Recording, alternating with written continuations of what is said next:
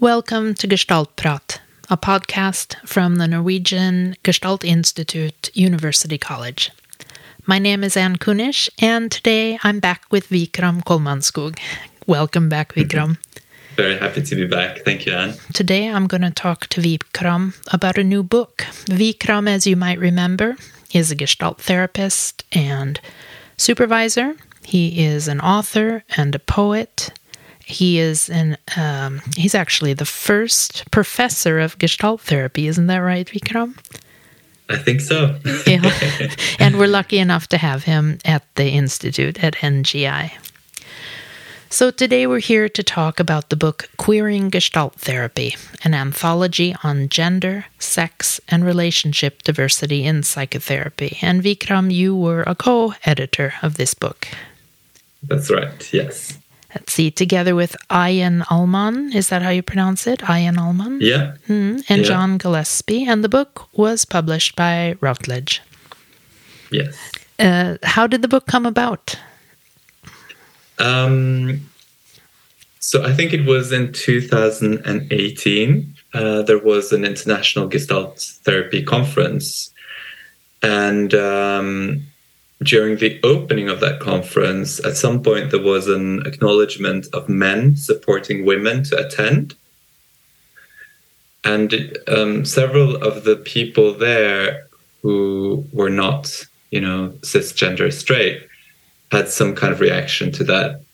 And uh, one person um, wrote a small piece in response to this as well saying that you know the the heteronormativity was striking, and as a lesbian, I felt marginalized and excluded. But she remained silent, and you know, looking around to see if others reacted or not. Not obviously, and then it's the question of do I speak up or not? Will I shame others, etc., mm-hmm. etc. Et mm. So that incident at the um, at this Toronto conference was kind of um, something that made several queer people in particular uh, feel that okay, we need to address this somehow. This kind of um, yeah, follow this up, this heteronormativity, and um, and I believe it was there's a special interest group under the uh, what's it called now, international. Uh, it's the IAAGT. Is it the International Association for the Advancement of Gestalt Therapy? I believe that's mm-hmm. what it is. It's one of the international Gestalt associations. Um, there's a special interest group there for um, gender, sex, relationship diversity. And in that group, um, the discussion continued a little bit. And then it was picked up by Ihan um, and uh, John. And uh, John Gillespie, he's been kind of really pioneering and done tremendous work with New Gestalt Voices which is a platform and also um, a publication. So he wanted to, or, or he offered to kind of take this forward as, as part of that a little bit.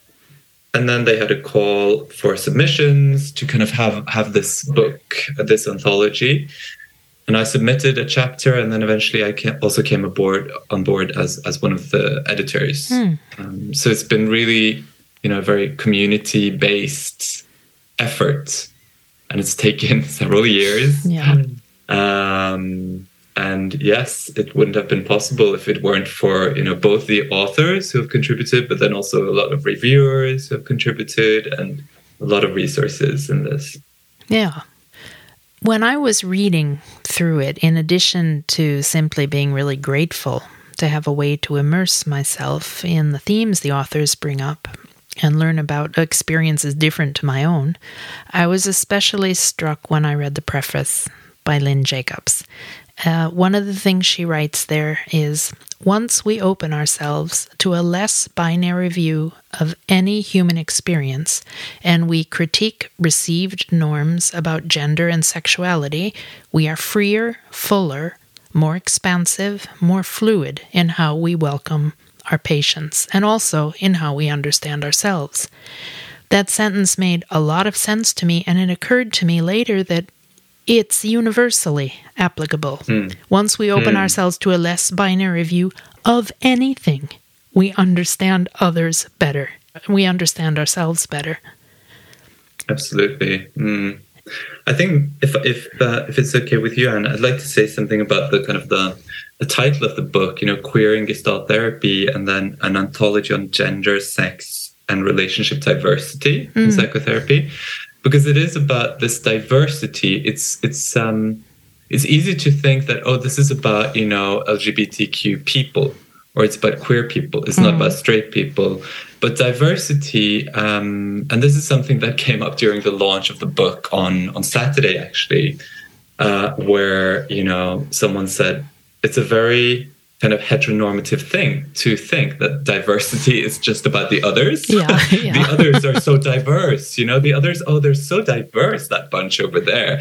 But, you know, then straight what is straight well being straight is part of that diversity exactly yeah so so for me it's really important to include everything in this concept and i really like the the kind of the concept of gender sex relationship diversity what it challenges of course is heteronormativity that you know okay it must be men who have supported this women to attend yeah you know it challenges that uh, our, our kind of biases and prejudices. But it doesn't mean that, oh, this is only about LGBTQ people or that um, as a straight person, I don't have anything to learn about myself here. Mm. Because there's also a lot, I think, as you say, you know, for everyone to learn, uh, to, to kind of be expanded, to feel perhaps more whole, to to explore certain aspects of themselves that they may not have explored, especially if you're part of the norm, you know. Mm-hmm.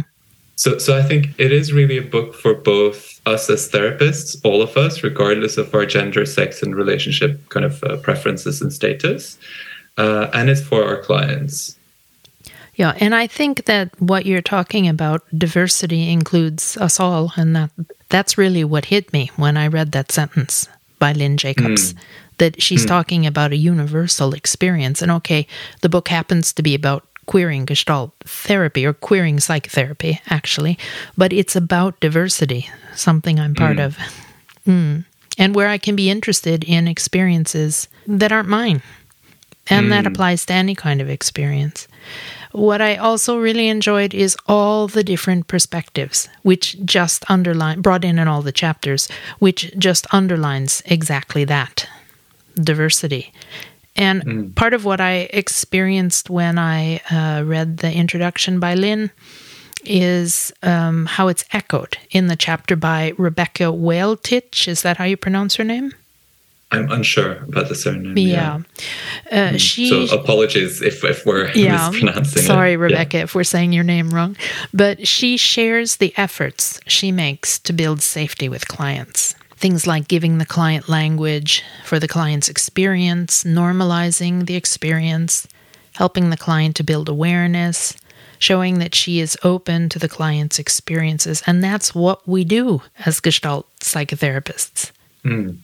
Yeah, I also really like the the kind of the diversity of the different chapters. I think there's something for everyone here. And mm-hmm. you know, I also become since we since we spoke about this, the diversity part, I feel I feel um, two things, I guess. On the one hand, I'm very concerned that certain perspectives and voices that have been marginalized or, or yeah, that they are heard. Mm-hmm. So it is, you know, th- there is uh, much focus on kind of experiences that are outside of the kind of the straight experience. Mm-hmm.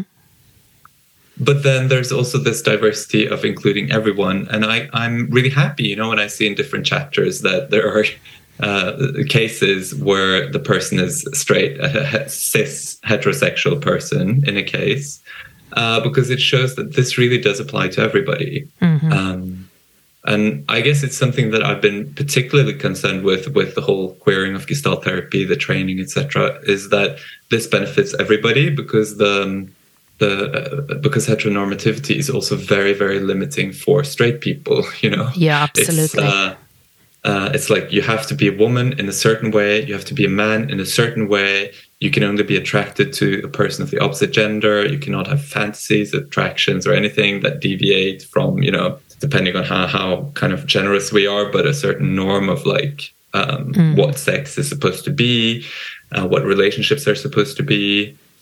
And I think a lot of suffering comes out of that. Like, yeah, not least, you know, mm, betrayal between couples where there's a presumed monogamy, but mm-hmm. you've never really talked about how what does it mean that we're monogamous? You know, what does that actually mean?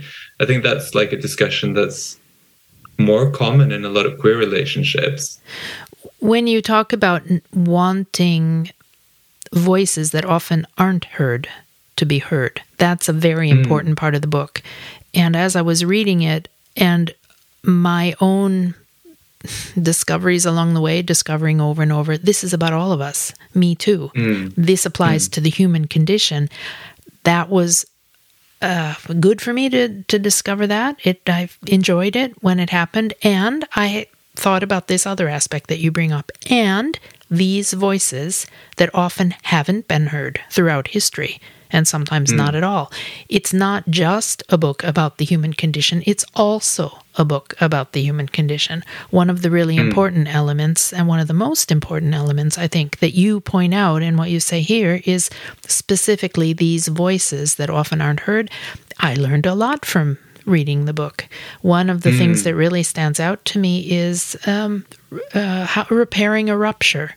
If I misgender a client, and it happens, um, it it talked about uh, about how to repair, and I thought, yeah, I can ask my client instead of feeling like I'm on pins and needles because I'm afraid to make a mistake. So I brought it up. Ken, I, I mentioned this in a podcast with Coyote as, you know, how do you want me to repair when I misgender you? And the response mm-hmm. I got was, well, do you know you're doing it? And I said, Yeah, mm. goes through my body like an electric shock. So what's best for you? And we could talk about that. And then it, it wasn't a thing anymore. It was just mm. part of how we relate to each other as human beings. Mm. And just to be clear, and I misgender as well, you know? So this is, uh, again, the heteronormativity. It's so pervasive. Mm-hmm. You know, it's not like, oh, it's it's only straight people who now have to kind of educate themselves and kind of uh, become better versions or whatever. It's like, this this liberation it really does concern us all, and, and I misgender all the time. I do it with Coyote, a good colleague and friend. I do it with my clients who are non-binary, you know. But it's about practice for me. It really is, and I, and I'm um, glad to be able to practice using also gender-neutral pronouns with with friends who, you know, prefer they them, and um, and that's also one of the things that comes up in in some of the chapters in this book. You know, kind of how can we practice or how can we explore this with curiosity? For example, can we, you know, when um, in one of the chapters it's mentioned, you know, when we're speaking of somebody about somebody, like for example, uh, driving a car and somebody overtakes you, can you say they? Mm-hmm, you know, mm-hmm. how how quick are you to say oh he? You know, and just like at least just noticing how we're gendering. Um, mm-hmm when we meet like a baby it's constantly happening with me now with with lucan my uh, uh, or our, our yeah and i'm just about to say son. Yeah. Because you know I, I do think of him as our son but i'm also very very happy with queer friends in india who who constantly say how are they doing? And you know mm. th- th- they use they as a pronoun and i'm very happy with that. So but but then uh, a lot of people the first thing people will ask is is it a boy or a girl? Mm. you know? It's mm. like so quick um, so it's it's very interesting that kind of um, how we're so caught in that binary, I think, and just noticing it with some curiosity. Not that it's completely wrong and we need to be, you know, going down a shame spiral, but just being curious about it. Like Daniel and I, I was I was rereading the book now um, during this weekend, and uh, I was sitting in the living room, and we have this, uh, you know, we have the forest just outside and I was sitting reading the book with uh, with Daniel next to me, my my partner, my husband. And at some point, there was a squirrel who was like really like all over the place. Like it, it came close to the window, and and I'm not right now. I'm about to say he to you as well, Anne. Yeah. Right. Yeah. He was like he was like really playful, and he was da, da, da, da, da. and I said something about the squirrel to Daniel. And I said he, and I was like, huh I don't know that it's a he. Yeah. They. Okay. And then I just try to use they as a pronoun. It doesn't cost me much, right? But it just opens things up so much, I think, for a lot of people. And it's also, again, for me, the perspective that it is liberating for all of us because it liberates me. You know, my mind is liberated, my body is also liberated from some of these norms where it's like, why is that a he? Is it a he because he's very playful and running all over? Is that why it's a he? You know why? Or is it a he because I'm I'm male presenting and kind of often define myself as male myself? Is that why it's a he? Mm-hmm. So just like being curious, I think it's um yeah, we can do that in so many situations.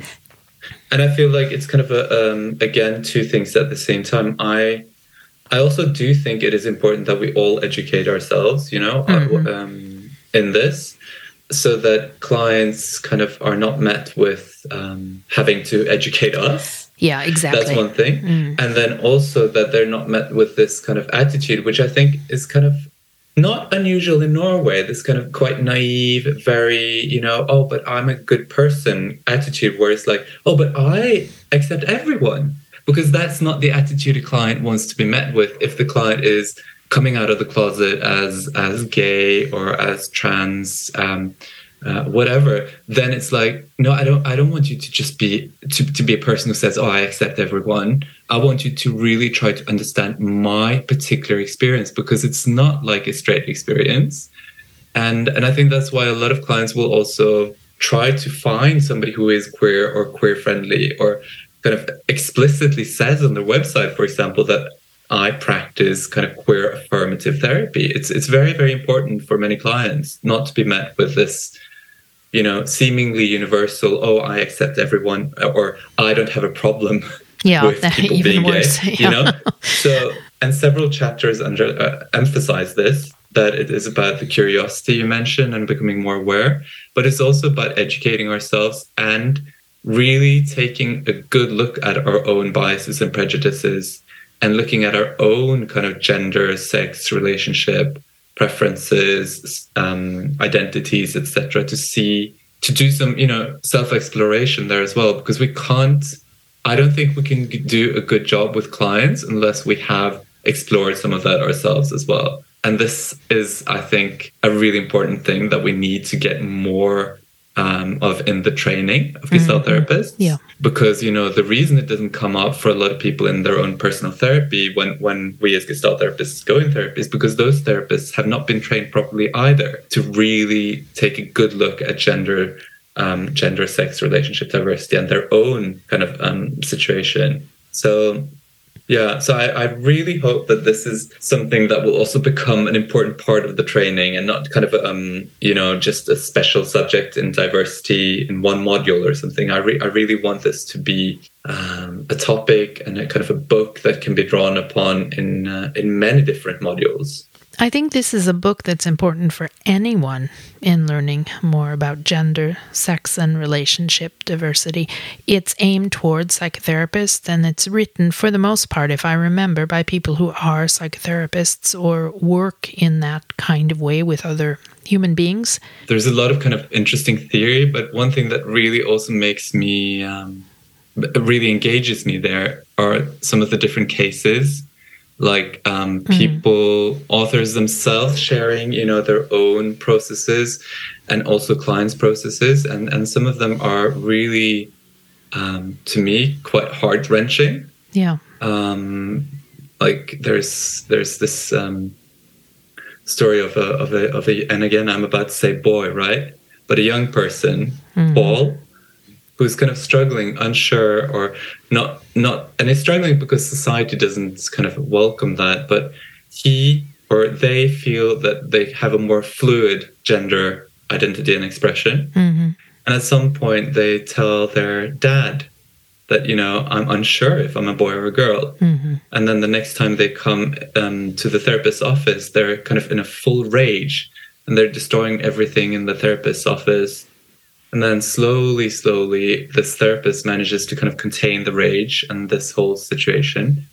And um, Paul says that, you know, the response from my dad was, um, I don't want to have anything more to do with you. Hmm. And I wanted to say this because I've been kind of saying about the squirrel and kind of, you know, how we can be curious, but it's also about really, this is serious, right? Mm-hmm. Yeah. Um, so I just felt like, um, yeah, also saying something about that, and, and several stories in the book. There's also one author who who writes about being gay and um, and mourning the loss of his straight dad. Mm-hmm. But you know that mourning is very ambiguous because this straight dad was very homophobic and racist. The rejection happened a long, long, long time ago as well. Mm-hmm. Um, and he also just describes you know some some some scenes there which are really heart wrenching how the dad is like you know wants his son to be this tough boy you know mm-hmm. the age of two or three he he he wants him to stand on this kind of uh, wall without any support and the mother says like maybe i should just like because she sees the despair in this boy's eyes like to kind of maybe support him a little bit but that's like no he's a tough boy you know mm-hmm. and the book is also full of, of of these kind of stories, I guess. And and to me, that's quite important. That this is there's lots of interesting concepts and theories and modules and uh, and questions to to kind of trigger our exploration. And then there's also these stories being told that are very very important. I think yeah, so many things in this book and that yeah. I'm I'm interested in, but I guess uh, that's it. Yeah, we could we now. could easily sit and talk for another uh, hour, I think. But um, mm. now I think it's time just to thank you for being here, and it's been a really interesting conversation. It's a wonderful book, and I hope that our conversation has contributed in some way to that listeners get interested and want to read it themselves. Thank you, Anne.